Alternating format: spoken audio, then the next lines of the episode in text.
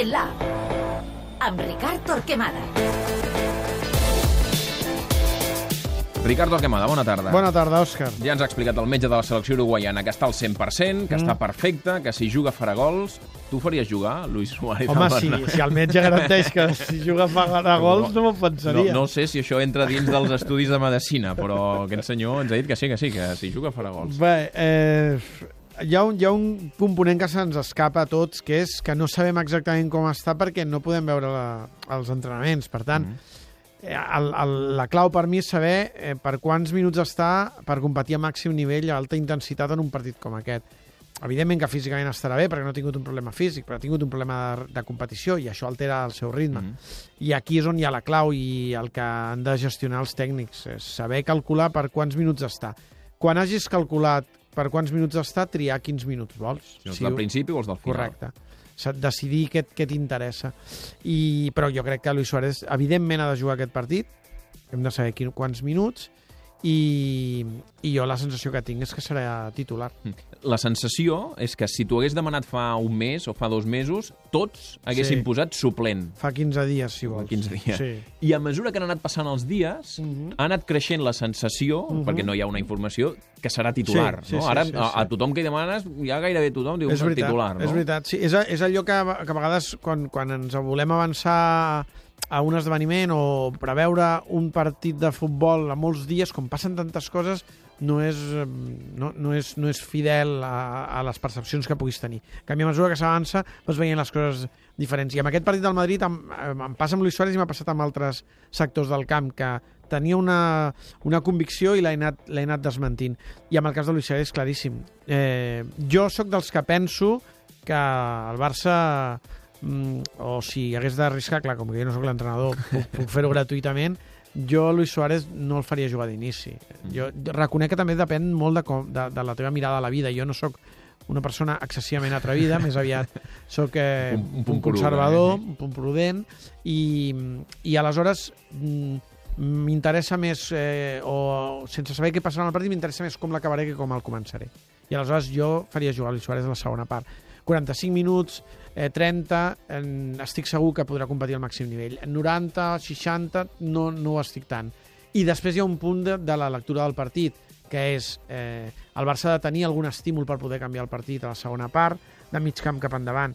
Eh, coincideix el moment de la temporada en què Munir s'ha pagat una mica, que Sandro, que està molt bé, hem de veure com respondria una, a un calendari com, a un escenari com aquest, que Pedro no està en el seu millor moment. És que aquesta també és una de les claus. Jo crec que tots imaginem Luis Suárez com a titular perquè no hi ha ningú que hagi agafat aquest lloc.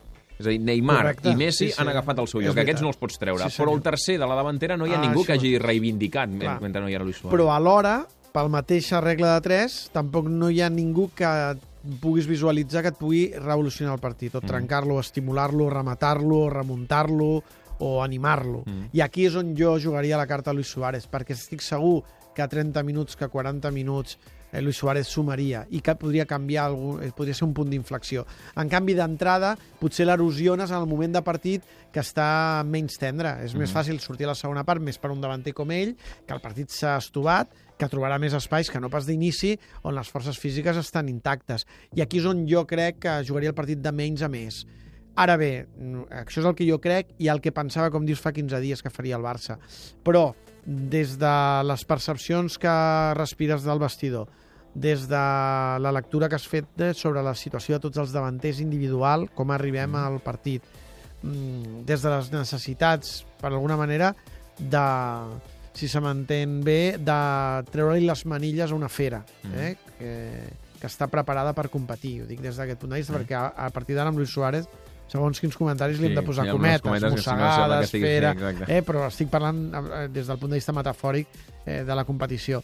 Bé, tot això condueix a pensar que el Barça jugarà amb els tres eh, davanters que han de ser titulars al Bernabéu.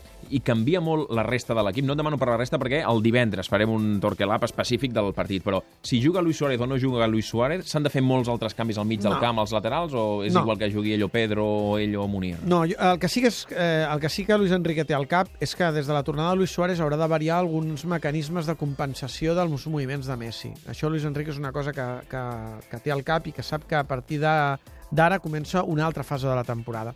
Sense Luis Suárez eh, els interiors han tingut algunes responsabilitats per compensar els moviments de Messi, tant defensives com d'arribada, eh? Mhm. perquè, perquè tenien unes característiques eh, el tercer davanter tenia unes característiques que no eren les de Luis Suárez. Ara això haurà de canviar perquè Luis Suárez ja compensarà algunes funcions, sobretot eh, ofensives, No, no. que farà que els interiors puguin tenir una altra o, o centrar-se en altres, en altres en altres feines.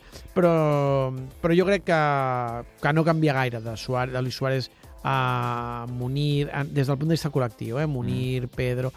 Canviaria una mica més de Luis Suárez a Neymar, per exemple, jo crec. Però eh, en el cas de l'uruguaià, jo crec que... Molt bé. Doncs veurem què és el que passa. Insisteixo, divendres farem un altre Torque Lab ja per analitzar el partit, eh? com jugarà el Madrid, com jugarà el Barça, què s'hauria de fer per intentar compensar la potència ofensiva del Madrid, si el Barça podrà mantenir la seva porteria a zero, com ha fet fins ara la Lliga.